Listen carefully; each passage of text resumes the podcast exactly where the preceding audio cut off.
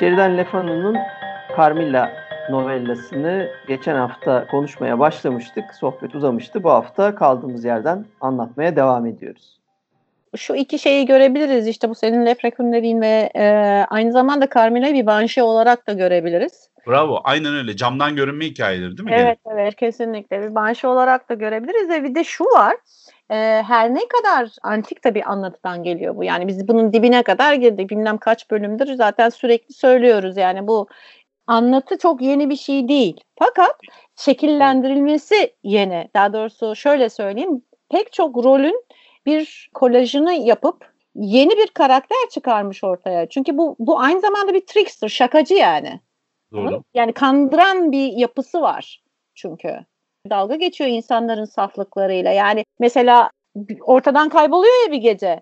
Bakıyorsun baba kendi ağzıyla mazeret buluyor kayboluşuna. Çünkü kız diyor ki ben diyor işte bir gözümü kapadım diyor sonra bir gözümü açtım odadayım diyor. Kendi o mazereti vermiyor. Resmen mazereti babanın ağzına koyuyor. Baba yani. diyor sen uyur gezer misin diye. Evet. Bir de tamam bir yandan evet çok net bir şey var. Bunlar eski canavarlar. Lefon'u da eski canavarları anlatıyor. Yani gotik yazının eski canavarlardan daha tam çıkamamış.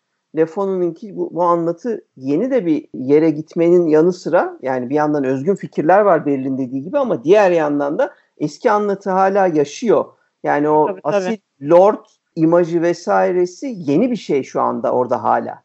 Hı hı. Evet kesinlikle o konuda katılıyorum. Yani şöyle bir şey var. Polidori vesaire var ama aynı zamanda zaten bunun çok öncesi de var. Yani bir Goethe'nin e, Bride of Corinth'i var. Ondan sonra Keats'in Lamia'sı var. Poe var. Yani Aldrich var. var e, Berenice var. Yani hem şey de var aslında bu hani kadın vampir veya kadın canavar olayı da çok yeni bir şey değil. Bundan önceleri muhakkak ki var. Benim evet. yani bakarsan o da eski bir canavar aslında kadın evet. canavar. Hatta bunu Lilith'e kadar götürürsün. Bravo ee, ve doğru yere geldik aslında. O da şu lezbiyenlik anlatıp duruyorlar ya Carmilla'da işte Hı. kadın sevicilik var, kadın kadına bir eşcinsel ilişki mi var bilmem ne diye. Aslında bu anlattığımız şey al karısı. Siz al karısının bir erkeği bazen ciğerini yemek dışında herhangi bir hikayesinin içine dahil ettiğini gördünüz mü? Yok. Yok daha Aksine, çok yeni doğmuş ve hamileler e, vardı işin içinde yani. Kadınlara musallat oluyor. Cin hikayesinde de Elcin hatta e, Demokan ilk sezonda ilk bölümlerde anlattı. Evet. Cini yanlış biliyorsunuz diye söylediğin. Daha millet onu uyanmadı ama 10 sene sonra herkes diyecek cini öyle değilmiş abi diye. Heh. Neyse oradaki gibi aslında e, böyle trickster kandırıyor, şekil değiştiriyor Kendini başka şekilde gösteriyor, acındırıyor, yeri geldiğinde zorbalık yapıyor falan. Ve bu sayede de insanları yoldan çıkartıyor. Bak bu çok önemli. Şey Öyle gibi yol azdıran gibi işte yani Aynen yolundan döndüren. Yanlış yere götürüyor seni, çölde kaybolmanı sağlıyor, uçurumdan aşağı çeken de bu. Yani şimdi bunlar antik yaratıklar. Evet, antik, antik yönü çok doğru. Tabii, tabii yani antik antik yani insan ilk aklına gelen hikayeler bunlar. İlkel diyeceğim şey, komik olacak ama anladınız. E, tarihin başından beri var olan bir anlatı tipinden bahsediyoruz. Bir yandan da bak şimdi dönüştüğü zaman kocaman kara bir kediye dönüşüyor olması verir. Tamam mı? Evet. Bu mesela muazzam. Dünyanın her tarafında var bu. Kedi Hı-hı. değilse tilki oluyor biliyorsunuz. Senin Gumio gibi. Aynen. Ondan sonra işte başka bir şey gördüm ben. Eskinin bu gotiğin özellikle üzerinde durdu. Gotik deyince aklımıza hep şey geliyor. Böyle hani eski canavarlar falan diye. Gotiğin edebiyat kısmını konuşmadık da gotiği konuştuk ya biz ilk başta. Hı-hı. Belki e, ilerleyen zamanda bu sezonun içerisinde Goti'yi de bir konuşuruz. Çünkü e, Lafanoğlu falan bu kadar konuşuyorsak içinde Gotik geçiyor. Şimdi Gotik deyince benim aklıma şey geliyor. Eskinin canavarları ama hala güçte şeyler bunlar, güçlüler. 19. yüzyılın o parıltılı balolarını görüyorlar. İlerlemesini, gelişmesini görüyorlar. İnsanlar cıvıl cıvıl bir şeyler yapıyorlar. İnsanlar savaşıyorlar, bunları da görüyorlar. Ve o parıltılı o bin kandille aydınlatılmış balo odalarına falan ufak ufak sızıyorlar. Yani Lord Byron'ın anlattığıyla, Polidori'nin anlattığıyla, Lord Ruthven'den bahsediyorum vampir olarak. birebir böyle sahneleri var. Bütün gotik anlatıyla oradaki e, işte Femme Fatale ile ondan sonra e, Byronic Vampiri ile bunların hepsi aynı şeyler. Aynı böyle davranıyorlar. Tek yapmak istedikleri o çağa sızmak. Neden? Çünkü hani onlar daha önce kendi bulundukları tarihte ve şeyde mekanda yani coğrafyada zaten insanlarla iç içeydiler. Anlatabiliyor muyum? Yani e, adam köyünde sabahleyin kalkmış sürüsünü götürecek çoban sabahın köründe atıyorum daha gün yeni aydınlanırken gelinlikli bir e, kızla karşılaşıyor mesela. O bir periydi. O peri sonuçta insanlardan ayrı bir yerde yaşamıyordu. Hala onların etrafında oluyordu. Gotik anlatıdaki şey de o. Siz artık baloya mı gidiyorsunuz abi? Biz de gidiyoruz. Ondan sonra siz şatolarda böyle eğlenceler mi düzenliyorsunuz? Ya da bir araya mı geliyorsunuz? Ya da işte uzun uzun sohbetler mi diyorsunuz? Bahçelerde mi geziyorsunuz? Biz de geziyoruz. Biz de geleceğiz. Yani sadece aslında tavır bu. Yapıyor. Sadece e, işte aslında en korkunç olan şey bu. Zeki ve manipülatif canavar. Hani aklı zekası olmayan, herhangi bir şekilde düşünme yetisi olmayan, sadece gözünü kan bürümüş, saldıran bir canavar belli bir yere kadar korkutucudur. Bunun zayıf noktasını bulursun, öldürürsün. O korkutuculuk gider ama seni manipüle eden, seni Senden zayıf daha düşünen, zeki. senden daha işte ah aynen öyle. Senden daha zeki bir canavar en korkunç şeydir. Çünkü Aynen. ne olursa olsun senden kurtulmayı başarabileceği gibi seni de yem etmeyi başaracaktır yani. Yem olmanı. Yani seni alt ediyor. sağlamayı- Tabii tabii. Bu Seni kadar. yenecektir Yani yani. Onun, onun karşısında bir gücün yok. Eski canavarların aslında iştahını kabartıyor ve onlar da sahneye hikayenin içerisinde katılıyorlar. Karşı koyamıyorlar diye düşünüyorum. Hı hı. Hep çünkü artık insanlar eskisi gibi değiller. Canavarlar da biraz kendilerine çeki düzen veriyorlar. Yeni dünyaya da aslında adapte oluyorlar bir yerde gibi. Hı hı. Çünkü yani Carmilla gerçekten al karısıyla buluşuyor ve Sukkubi de aynı şekilde. Tabii Banshee'le de evet. Banshee ile. Banshee işte bak bu Lafano gibi e, şeylerin Anglofil ya da hani İngiliz e, edebiyatçılarının hikaye kattığı bir şey.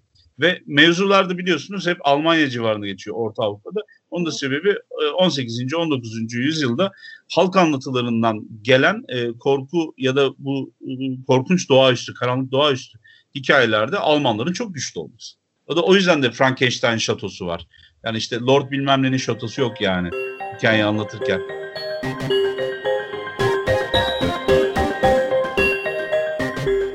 Orada çok güzel bir şey yakaladın. Bir başka özellik canavar. Hani dedik ya canavar sadece gözünü kan burulmuş oraya buraya saldıran bir şey olmaktansa zekileşiyor artık seni yenebilecek duruma geliyor.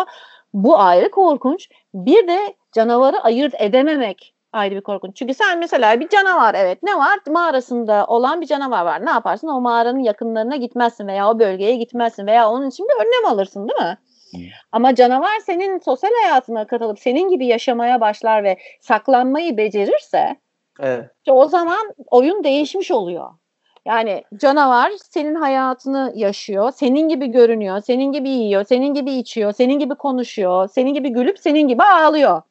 Tabii. E tabii. sen ayırt edemiyorsun ve e, hissetsen bile ki bu romanda çok belirgin bir şekilde görünüyor. E, Konduramıyorsun. Konduramıyor. Ah, aynen öyle. Konduramıyorsun ve bahaneler yaratıyorsun kendi kendine. Yok öyle değildir aslında. Ya onu demek istemedi. Hı hı. Ya aslında evet şu hastalığı var ondan böyle gibi. Çok iyi ama ya. Bahane uyduruyor ya babası. Ha siz uyur gezersiniz. Aynısı kaynımda da var. Baba köyde genç kız kalmadı. Bir ben varım böyle. Neslimiz tükenmek üzere. Sen diyorsun ki ya kız uyur gezermiş ya. Vampir vampir ne uyduruyorsunuz? Geri zekalı. Hiçbir kitap okumadım falan diyorsun. Hani çünkü Evet. bu hikayelerin geçtiği yerde hayalet hikayesi hiç bilinmez ya. Hani dediğin Beril şey gibi aynı kaynımda var diyen yok ortada. Kaynımda okumuş. kimse yok. Kalmamış. Evet evet çok ilginç bir şekilde yani köyde insanlar ölmesine rağmen oradan o uyarı yani birilerinin net bir şekilde uyarma ihtimali yok tabii uzaktalar ama yine de cenaze kapının önünden geçiyorsa kardeşim bir yani o evde çalışan uşaktı ıvırdı kıvırdı birileri soruyordur bir akrabası bir şeyi vardır bir konuşuluyordur evin içinde ama yani o statü farkı belki de onu bile engelliyor bilginin akışını bile engelliyor. Hani upir diye bir şey var diye gelen adamın açık açık yüzlerine bunu söylemesi bile onları korkutmuyor. Ya kızım biri geldi şimdi ben kabus görmeye başladım. Hastalandım. Yani bunu ben bütün ailemi bağlamaz birbirine. Yani bütün orada çalışanlar, mürebbiyeler hiç kimse bunları şey yapmıyor. Batıl O- inanç orada- hikayesi işte. Batıl inanç ama bir de şey de var işte o dönem hani yavaş yavaş artık insanın hani bilime kaydığı dönemler yani bilimi, bilimle açıklamaya çalıştığı dönemler. Çünkü orada şeyi de görüyoruz iki doktor arasındaki çatışmayı da görüyoruz. Biri diyor ki ya sen deli misin ne diyor şeyi din adamı ne bilmem ne istiyor işte hasta. Bunu bir salgın hastalık gibi aslında bu bir aynı zamanda salgın anlatısı da düşünecek olursan. Bir de şey o bilim dedim bak o, unutmadan onu şu kısmı söyleyeceğim ya. Tılsım meselesi o tılsımı aldılar ya. Onu bilimle açıklama kısmı var beni öldürdü. Şey diyor birbirleriyle konuşuyorlar Laura ile Carmilla. Hani peki o tılsım neyin nesi sence di- dedim. Tütsülenerek yahut ilaca yatırılarak dezenfekte edilmiş sıtmaya karşı kullanılan bir panzehir yanıtını verdi. Yalnızca bedeni etkiliyor öyleyse. Tabii kötü ruhların kurdele parçalarından yahut eczacı parfümlerinden korkacağını sanmıyorsun ya havada dolaşan böyle illetler beyne sirayet edebilmek için önce sinirlerini yoklar. Fakat panzehir senin üstüne çökmelerine fırsat vermeyip uzaklaştırır onları. Tılsımın bizim için yaptığı buydu. Eminim sihirle ilgisi yok. Tamamen tabii bir şey. yani tılsımı yani nasıl bir kafayla birleştirip de hani bilimle açıklama yolu bunu yapan ama bir yandan vampir. Tabii bunu yapan vampir. Aslında bir anda şey geçiyor yani tay tay geçiyor. Evet çok eğleniyor gerçekten. Mesela Balkanlardan gelen bizdeki e, yakın zaman anlatılarında o çok olan mesela kötü birinin baş kötü biri ölürse vampir olur meselesi. Mesela bu kitapta o tarz kuralları güzel geçirmiş. Kötü biri intihar ederse vampir olur gibi mesela bir tanımlama geçi veriyor ya da mesela toprağı oynatmadan mezardan çıkmak gibi mesela bir bilgi bize sunuyor.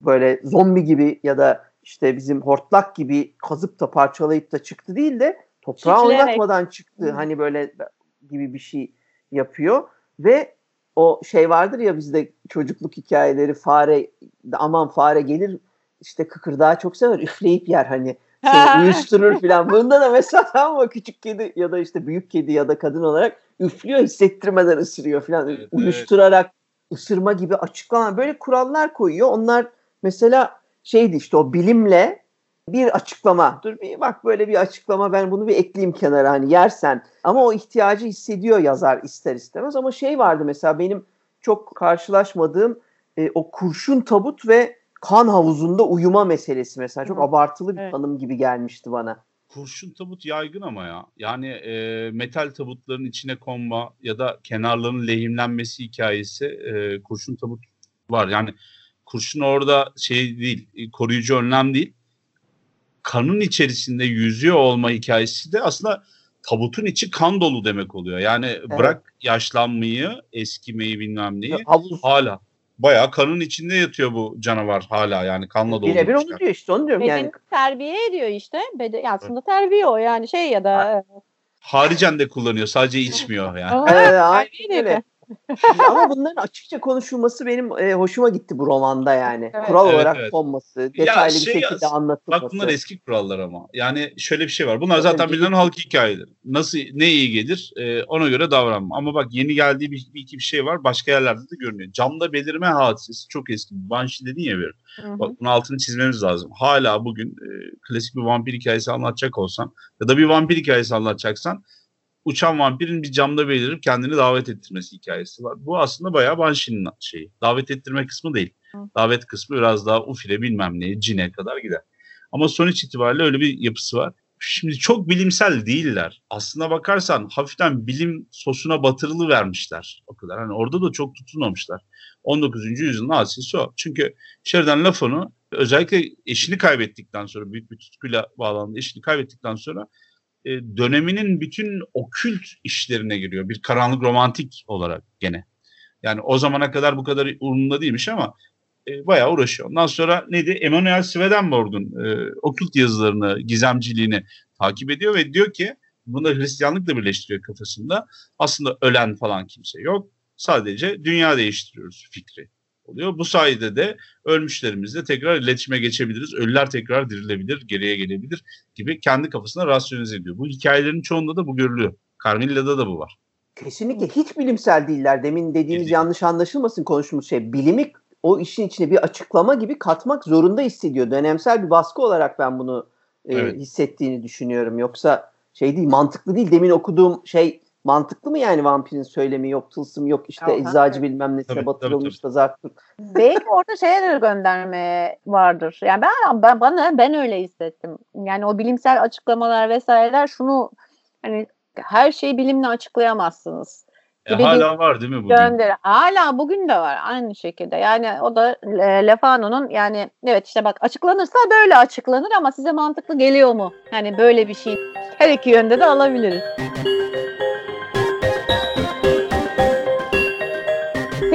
Carmilla e, için ne düşünüyorsunuz? Şimdi mesela bana göre Carmilla evet tamam bir canavar yani ailesi bir canavar işte ellerinde kan var yani e, yüzyıllar boyunca hüküm sürmüşler ve eziyet etmişler insanlara falan filan. E, sonunda canavara dönüşmüşler. Bu canavarlardan bir tanesi de Carmilla ve kaçıyor. Ve hayatını bu şekilde tam bir parazit şeyi göstererek, özellikleri göstererek yani simbiyotik bir yaşam oluşturmaya çalışıyor. Çünkü kurbanlarının hepsi Laura gibi değil veya yiyen gibi değil.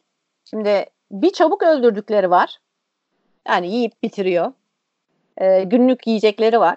Bir de işte bu ölen yiyen veya e, Laura gibi uzun süreli üzerinde uğraştığı, düşündüğü aşk, kur yapma, sabır ve hazzı yüceltme gibi bir süreç anlatıyor. Evet. Onlarla. Bazılarını onu yapıyor. Evet. Ve plan kuruyor. Ya ilk önce hedef belirliyor.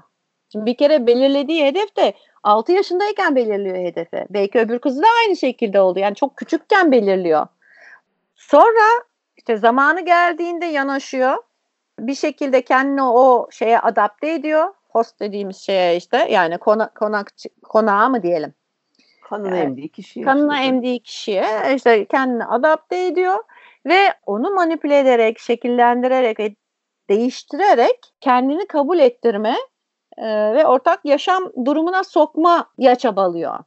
Aslında bana göre Carmilla üremeye çalışıyor iki tane ayrı kısma bakmamız gerekiyor. Birincisi Carmilla'nın anlatıldığı dönemin bir jeopolitik bir şey var, altyapısı var. Viktoryan dönemde genelde e, İngiliz centilmenleri bir yerlere giderler uzaktaki bir yerlere. Bu ne demek? E, Viktoryan çağı İngiltere'sinde insanları e, aklını meşgul eden, gündemlerinden hiç düşmeyen birkaç tane konu olmuş.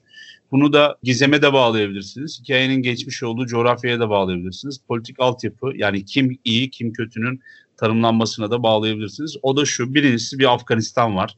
Özellikle Hindistan-Afganistan sömürge açılımları esnasında Afganistan'da kabilelerle savaş sahneleri var. Doktor Watson, Sherlock Holmes'teki Arthur Conan Doyle'un bir evet. Afganistan gazisidir mesela. Afganistan'da yaralanmıştır ayağından. Evet. Aynı zamanda subaydır, aynı zamanda doktordur, işte askeri tabiptir. Ondan sonra Hindistan ve Pakistan üzerinden gelen, biz Pakistan tabii daha yeni bir kavram. İşte Mogul İmparatorluğu olarak geçiyor. Bizdeki Babürlüler e, Hindistan'la tek bir memleket gibi görünüyor İngilizler gelene kadar. E, onlar İngilizler zaten 1940'ların sonunda o coğrafyadan çekilince ikiye bölüyorlar uyanıklık yapıp. Bugün Hindistan ve Pakistan var. Bu genel kültür bilgisini de vereyim. Oradan da mesela bir sürü biz kendimiz işte e, maymun patisi vesaire gibi işte kaplanlarla alakalı şunla bunlar bir sürü hikayenin özünü alıyoruz. Oradaki bilinmezlik, oradaki e, geçit vermeyen coğrafya böyle o sık ormanlar falan bir korku öğesi anlatıyor. Hatta ölümsüzlüğü bulmuş yogiler diyorlar. E, Hint fakirlerinin çivide yatması bilmem ne bir sürü etkiliyor. Üçüncüsü de Kırım Savaşı ya da ikinci şey Balkan Harbi, birinci Balkan Harbi. Bunların ikisinde de İngilizler bizim müttefikimiz. En azından e, İngiliz bu Commonwealth'tan vesaireden bir sürü destekleyen kişi geliyor. Bir tane örnek söyleyeceğim. Avusturya ilişkileri de mesela burada yükseliyor. O yüzden biz bu hikayenin Stirya'da işte Avusturya'da bilmem nerede bir güzellemesini okuyoruz. Oraya bir İngiliz gidip yerleşebiliyor yani. Hı hı. Şimdi bu şeyde de Bram Stoker'ın kardeşi George Stoker mesela o da bir doktor. Kraliçenin elçisi olarak İstanbul'a gidiyor 1800'lerin sonunda. 1870-75 olabilir. Plevne Savaşı'nda Osmanlı ordusunda çalışmış olan doktor e, o zamanki işte askeri doktor e, Charles Ryan diye bir tane Avustralyalı'nın anıları var. Ben bu kitabı buldum okudum yıllar evvel. Altın çizeyim adam Avustralyalı. E, işte İngiltere'de, Almanya'da okumaya gelmiş. Ondan sonra serserilik yapıyor. Dünyayı dolaşayım falan derken e, bir şekilde askere yazılıyor. Avusturya ve şey ordusunun, e, Osmanlı ordusunun e, askeri doktor aradığını görüyor. Gidiyor orada bayağı bildiğin Plevne'de e, Osman Paşa'nın yanında falan e, şey yapıyor, askerlik yapıyor, doktorluk yapıyor. Ben bunu nerede gördüm mesela? Bu anıları çeviren kişi Ali Rıza Seyfi. Drakula İstanbul'ların yazarı. İş Bankası yayınlarından çıkmış. Yani şunu söyleyeceğim. Aslında kimin iyi, kimin kötü olduğunu, kimin canavar, kimin olmadığını bir şekilde görüyoruz. Coğrafyayı tanımadık. Carmilla tarafında ben neyi gördüm biliyor musunuz aslında? Bizim hepimizin çok sevdiği Near Dark filmini gördüm. Bizim o zamana kadarki canavarlarımız o kadar kuvvetliler ki bir çete gibi, bir sürü gibi davranmayı istemiyorlar. Buna gereksinim duymuyorlar. Lord Ruthven kendi başına gidiyor. Rothven'in en fazla yardakçısı, yardımcısı olabiliyor mesela Vampir'se. Ondan sonra örneğini göreceğimiz Bram Stoker'ın Dracula'sında da öyle. Dracula o kadar güçlü bir karakter ki ihtiyacı yok kimseyle güç birliği yapmasına. Ama mesela Carmilla'da öyle değil. Carmilla'da bir aileden bahsediyoruz. Aynı Near Dark'ta olduğu gibi. Ve belki de Near Dark buna göndermeydi ama bugüne kadar hiç biz karşılaşmadık. Bayağı arabayla giderken bir anda bir şeyler oluyor falan. Ondan sonra birini oraya çekiyorlar. Yani Carmilla'nın bir uyarlaması olarak Near Dark'ı da bir ufak koyabilirsiniz. Çarpık bir şey olarak. Canavarların numara yapması hadisesi çok antik arkadaşlar. Tekrar tekrar söylüyorum. Çok eski bu. Ee, bizim bildiğimiz bütün canavarlar çok güçlüler. Vurdu mu kırıyor. Carmilla'nın ihtiyacı mı var tekrar mezara gitmeye? İstediği yerden mezar seçer. Birilerini kandırır oraya yerleşir ne olacak falan. Ama öyle olmuyor. Mezara tekrar gitmesi, mezarın nerede olduğunu unutmaması, bulması gerekiyor. Kuleden bakıyorlar mezarlıkta hangi mezarlığın içine girdi. Nerede shroud bıraktı diyor. Shroud hikayesi var ya kefen. Evet. İngiliz kefeni nereden bilsin mesela? O da gene Kırım sonrası Avusturya etkisi böyle. Benim görmüş olduğum şeyler bu. Biraz toplama bir hikaye ama çok iyi yorumlanmış görüyorum. Tek sıkıntı Van Helsing karakterinin özü olabilecek kişi kim? En çok o beni tartıştırdı. Çünkü biz biliyoruz ki Carmilla olmasaydı Bram Stoker Dracula olmayacaktı. En azından başka bir şey olacaktı. Ee, herkese bir şekilde yer buluyoruz. Mesela Carmilla karakteri bayağı Dracula'daki Lucy'yi andırıyor bana. Ne diyorsunuz bilmiyorum. Onun da onun davranışı gibi. Mezarlıklarda geziyor. İşte e, işte hani çocukla yakalıyorlar en son ama hani camdan görünüp işte hani birileriyle konuşuyor. Bir tek kediye dönüşmesi eksik. Ve aynı onun gibi sonu da Lucy'nin sonu da Carmilla'yı çok andırıyor. Benim gördüğüm Doktor Hesselius'la e, işte hani Doktor Spielberg var. Bir de Spilsdorf diye bir generalimiz var. Bir kişi daha var en son. Baron Vanderburg. E işte o aslında Van Helsing. Bilmiyorum hepsi bir arada. yani biraz ondan biraz ondan biraz ondan da e, olmuş olabilir.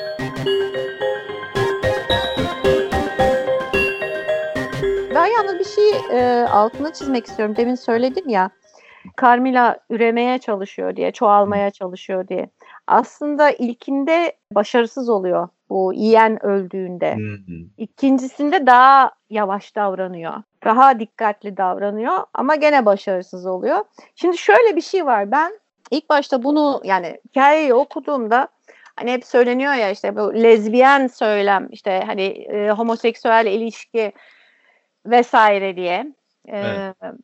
Ben burada e, başka bir şey görüyorum. Tabii ki o, şekilde de okunabilir. E, çok da rahat okunabilir. Yani hem cinsler arasında aşk, sevgi veya işte cinsellik. Bu gayet kolay okunabilir bu hikayeden. Fakat benim gördüğüm şey şu. Carmilla aslında yeni bir tür. Yani artık bir insan değil. Evet. Ee, burada bence cinsiyet çok önemli değil. Benim gördüğüm Carmilla burada erkek rolünü üstlenip çünkü şöyle bir şey vardır. Erkek kendi e, soyunu çoğaltmak ister ve o yüzden e, bu eski söylemdir, çok antik söylemdir. Mümkün olduğu kadar çok e, dişiyle eşleşir ki daha fazla çocuk sahibi olabilsin gibi böyle bir şey vardır, söylem vardır bilirsiniz. Şimdi e, erkek çoğalmak ister e, lafı burada Carmilla da görüyorsun. Yani erkeksi bir rol üstlenip çünkü zaten e, baktığın zaman baştan çıkarması, manipüle etmesi, bir şekilde kendine bağlaması aslında bütün bunlar bir erkeğin bir kadına kur yapması gibi görünüyor. Ve bu doğrultuda ben Carmilla'nın bir erkek rolü üstlendiğini yani daha doğrusu ataerkil bir toplumda bir dişi olarak anaerkil bir profil çizdiğini görüyorum ve aynı e, erkek gibi üremeye çalıştığını görüyorum. Yani üremek dediğimden kasıt e, Carmilla'nın üremesinin çoğalmasının tek bir yolu var. O da seçtiği özel kişileri dönüştürmek. Bunu da yapabilmesinin tek yolu e, anlatılıyor zaten. Yani e, bu insanların dönüşme olasılıkları var. Ve Carmilla'nın çabası da aslında Laura'yı dönüştürüp çünkü orada işte bir olacağız, senden bir olacağız, aynı olacağız demesinin sebebi benim gibi olacaksın, ben gibi olacaksın, ben olacaksın e, demek istiyor. Çoğalmak için uğraşıyor aslında. Her ne kadar başarısız olsa da. E, bir tek şey e, ilginç ama işte bu hep kadınları seçiyor olmasını e, şey yapamayız yani hani onu görmezden gelemeyiz. Yani o güçsüzlüğüne verebiliriz. Biz, biz uzun süredir konuştuğumuz gibi e, konmenlik yapmak zorunda olan e, bir canavar olması, kendine dikkat etmesi, güçlü biriyle e, bu, bu tarz bir şeye ilişkiye belki korkuyor diyebiliriz ama yani her seferinde aşık oldukları, kendine aşık ettiklerinin dişi olduğunu da kaçırmayalım. İşte onu şöyle açıkladım ben kendime en azından. Hani ben bunu bu soruyu kendime sordum. Neden cinsiyet önemli değil? Yani neden evet. başka bir tür? Çünkü başka bir tür olduğu için aslında kendi yönelimi de var kendi tercihleri de var. Yani onu cinsiyet olarak kadın olarak değil de kendi gibi ol yani çünkü benle bir olacaksın diyor. Ondan bir olabilmesi için ona benzemesi lazım. Evet, yani evet. oradaki cinsiyet tercih, tercihini kendine benzediği için yani kendinden yara, kendinden suretler yaratmaya uğraşıyor. O şekilde çoğalmaya çalışıyor. Ama evet, bir başka evet. şey de şöyle de olabilir. Senin söylediğin de şimdi ben düşündüm. E, manipüle edilmesi daha kolay olanların belki dişiler olduğu. Çünkü Viktoryen zamanından bahsediyor. Evet, yani, daha edilgen bir şeyler. Daha, e, aynen öyle. Yani kadının daha zayıf olduğu, en azından o şekilde düşünüldüğü. Genç bir de tabii yani tecrübesiz. Genç, ha, çünkü tecrübesiz. dadılara gitmiyor yani. Tabii tabii en tabii. Genç, kitapta. tecrübesiz. Yani kadın erkek ilişkilerinden bile çok fazla haberi olmayan, yani flört edildiğini bile anlamayan aslında bakarsan yani anlamıyor. Ee, yani resmen tacize uğruyor ama her şey için bir bahanesi var yani. O yüzden ben onu o şekilde düşünüyorum. Hani iki şekilde senin dediğin gibi de olabilir. Onları daha kolay olduğu için yakınlaşması. Çünkü şimdi erkeği şey yapsa şimdi erkeğin ne de olsa belli bir şekilde belli fikri vardır. O dönem için bahsediyorum. Yani erkek kadın ilişkileri hakkında belli bir fikri vardır veya dünyaya daha çok açıldığı için. Şimdi biri evde oturan bir cins, diğeri dünyaya açılmak zorunda olan bir cins o dönem için. E böyle olduğu zaman ne oluyor? Tabii bir tanesi daha tecrübeli oluyor. Ki buna rağmen general anlamadı. Yani düşün. O bile o kadar hani dünyanın içinde bulunduğu halde Yok, tabii o orada evet orada o batıla karşı durdukları için biraz o imajlar. Tabii. orada orada şöyle bir hadise var. Demokrat'ın söylediği doğru. Batıl inanç ya da böyle şeylere inanıyorsun e, gibi bir şeyle dam, damgalanmak istemiyor kimse.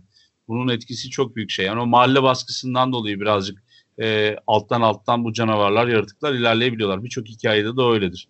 Böyle Tabii şeylere, o, böyle saçma şeylere mi inanıyorsun diye. O zamanın e, en büyük olayıdır. O, Herkes o general yani. o general şeye kitap fuarına gelse bize neden korku yazıyorsun diye sorar yani hani. Hah değil mi? Aynı. Evet. neden korku? Ama onun babası mesela şey Laura'nın babası bir yandan huylanıyor ama bir yandan da hani alaya alınmaktan çekindiği için herkesle paylaşmıyor bu fikrini. Hem konduramıyor da, hem evet. evet. Ama işte bakın bu e, bu şekilde e, ajite edilmiş ya da ön plana çıkartılmış birazcık bir konu e, Şedan Lafonu'nun dünya görüşüyle ilgili. E, çünkü o batıl şeylere inanıyor ve o dönemin beyefendisinin ya da hanımefendisinin böyle şeylere inanmayarak aslında kendine zarar vereceğini şey yapıyor. İşte bir vampir çıkar da görürsünüz o zaman. Şimdi böyle eziyorsunuz, dalga geçiyorsunuz ama o zaman evet, benim yani dediğimi anlarsınız. Bulunsun diyor. Aklının bir köşesinde bulunsun diyor. Yani tamam evet. sen inanmıyorsun etmiyorsun ama bu tür şeylere de en azından bir ihtimal vermek senin hayatını kurtarabilir gibi bir mesaj da var yani o açık. Evet, yani, evet. tamam coşmayalım ama yine de dünyada her şey olur demek gerekiyor. Gözünün önünde oluyorsa bunu sonra tartışırız. evet, Speed evet. Beril'in söylediğine ben bir şey eklemek ve sormak istiyorum. Aslında bence Carmilla kendinden yani Carmilla yalnızlık çekiyor tabii ama Carmilla tam yaşının yani göründüğü yaşın e, kızı. Başka eserlerde olduğu gibi işte hani 150-200 yaşında gibi bir bilince sahip değil. O nedenle yeri geldiğinde öfkeleniyor, yeri geldiğinde çok aşırı seviniyor. Yani e, yaşıyor, duyguları yaşıyor. Kendini gizlemiyor ya da yani bir yetişkin gibi şey yapmıyor. Kendini bir ölçüyle bir ilişki kurmuyor insanlarla. Hani tavırları falan bayağı genç duruyor. Benim gördüğüm şu. Bir defa şeyleri konak olarak görüyor. Kendisi bir misafir zaten konuk olduğu için. Gittiği davet edildiği evleri bir konak olarak görüyor ve o konak içerisinde en son avlanıyor. hep etrafını avlıyor ve yuvasını daha doğrusu o konakladığı güvenli alanı bozmamaya çalışıyor. Neden? Çünkü hani ilgileniyorlar, bakıyorlar. Kimse ondan şüphelenmiyor orada. Gitsin başka yerden avlansın, beslensin. Geri gelsin. Yani yuvayı, evi kaybetmeden ben yaşantıma burada devam ediyorum. Çünkü bu vampir hikayelerinin %80'inde bu böyle görünür. En iyi göründüğü yerde Vampire Lestat'ın e, Vampire Louis'i o plantasyonun içerisinde iyi şimdi evi de yaktın kalacak yerimiz de kalmadı geri zekalı diye payladığı yerdir. Hem kitapta hem de şeyde filmde çok gülmüştüm o sahneye. Hakikaten oğlum nerede yatıp kalkacağız falan diyor hani lağımlarda kalıyorlar ya ondan sonra. Evet. Carmilla'nın sanki öyle bir tavrı varmış gibi görüyorum ama bir yandan da arsız ya hani böyle e, ayarı tutturamıyor. Önceki kızı ya bir şey olmaz bir, bir fırt daha içeyim falan dedi belki öldürdü. E, Laura'nın da sonuna geliyor. Onun dibinde az bir şey kaldı Laura'nın da yani. Onu da içecekti. Kontrol edemiyor. Yani Laura'yı yaşatması lazım. Laura'nın etrafındakilerinden yemesi lazım. O çünkü o evin direği Carmilla için. İşte bunu hesaplayamıyor gibi geldi bana. Bence tamamen yani konu sadece şey de değil bence Carmilla için. Yani konu kan içmek yani beslenmek hayatını idame ettirmek de değil kendine de bir şey oluşturmaya çalışıyor bir şekilde bir yoldaş bulmaya çalışıyor evet. zaten çoğalma demekten kastım o bir de kendine bir e, geçici aile yaratıyor aslında yani o aileyi yaşıyor belli bir süre çok yalnız çünkü yani o kadar sene hani hayatta kalmak için uğraşıyor yani bir anlamda romantik bir açıdan da bakıyor bence Carmila'ya yani romantik bir açısı da var Carmina'nın bence. Bağ kuruyor. E, bağ kurmasının sebebi kendine işte geçici bir aile e, yaratmak, geçici bir ortam yaratmak. Yani o şeyi yaşayabilmek, o ortamı yaşayabilmek, e, aynı zamanda da dönüştürebilmek e, avını. Yalnız şeyi e, düşündürüyor bende. Ben şimdi e, yanlış söylemeyeyim ama pek çok işte şeyden bahsediyor. Kötü biri intihar ederse vampir olur, ıvır kıvır gibi detay bir şeyler de söylüyor ama vampirlerin ısırarak başka vampir yarattığı efsanesini burada bu kitapta görmüyoruz diye hatırlıyorum. Yani oraya gitmiyor. Bir tane yerde diyor onu. Diyor evet. Ee, ilk başta kişi kendince e, kendisi bir kötülük yaptıysa daha doğrusu gözü arkada kaldıysa halk tabiriyle e, bir şekilde hortlayabiliyor. Yani bildiğimiz hortlak hikayesinin şeyi olduğu gibi. Evet. E, vampir de böyle doğuyor. Yani ya kötülük olacak ya ondan sonra kötü bir durumda ölecek ya ondan sonra zaten berbat biriydi toprak onu kabul etmedi oradan dirildi canlandı. Evet, evet. Onları Bunun söylüyor. olduğu yer bunun olduğu yerde mesela sıfırdan e, Patient Zero bir vampir yapabiliyorsun. Öyle bir vampir var orada. Vampirler kendiliğinden Onu söylüyor. Ha, demin dediğim o evet. İkincisi ölüyorlar. Tabii ki ölüm var. Mezardan her kanı çekilerek ölen kişi kurban e, vampir olarak kalkmıyor. Ama sonuçta bir şey oluyor biliyorsun. Vampir olmanın bir kuralı da o. Yani bir şartı da o. Şey diyor mesela hani kanı içerse eğer yani kanı içilerek öldüyse kendisi de mezardan geri gelebiliyor. Burada bir tane artı görüyorum. Şerdan Lafonu belki bunu dile getirmemiş olabilir. Ama eski hayalet antik hayalet hikayelerinde şey geçiyor bu hikayenin özünün alındı. Bir hayalet geri döndüğünde eğer insan kanını tadarsa ondan sonra e, vampire dönüşebiliyor. Hortlağa dönüşebiliyor. Yani bunu ben Çin'de de gördüm. Antik Yunan'da da gördüm. Çok acayip bir, bir konuda bir konsensüs var. Öncesinden böyle celestial bir bedenim var. Bu hani ruhani bir bedenle hı hı. gezip insanlara musallat oluyorsun. Carmilla'nın bir kısmı da öyledir. Carmilla çünkü hani bedenini de değiştirir. Öyle hani bildiğimiz... Peki, topraktan topraktan bozmadan çıkma meselesi var süzülme, ya. Süzülme, süzülme var yani mezardan süzülüyor.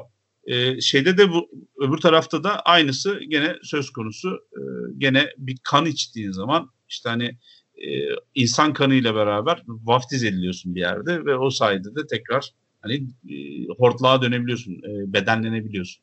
Evet zaten şeyi de söylüyor ya yani kapalı ortamlardan çıkabiliyor. Tabii. Her yer kapalıyken çıkabiliyor. Ya orada benim Yok. yanlış anlamadı, anlamadıysam şeye de dönüşebiliyor. Yani sis gibi bir şeye de dönüşebiliyor. Doğru doğru öyle zaten. Öyle yani o yüzden e, hani şekil değiştirebilmesinin verdiği bir avantajı da var. Bir iki tane filmi olduğunu biliyoruz ve birçok filme de ilham verdiğini biliyoruz. Ama işte en bilineni Hammer'ın galiba The Vampire Lovers filmi. Ya film tam bir Penny Dreadful. Aslına bakarsanız hikayenin normal akışının dışında yeni bir hikaye uyduruluyor ve uygulanıyor. Ingrid Britt e, çok da güzel bir oyuncu. E, ama bana sorarsanız Carmilla'nın annesi yaşında oynuyor evet. vampir olarak.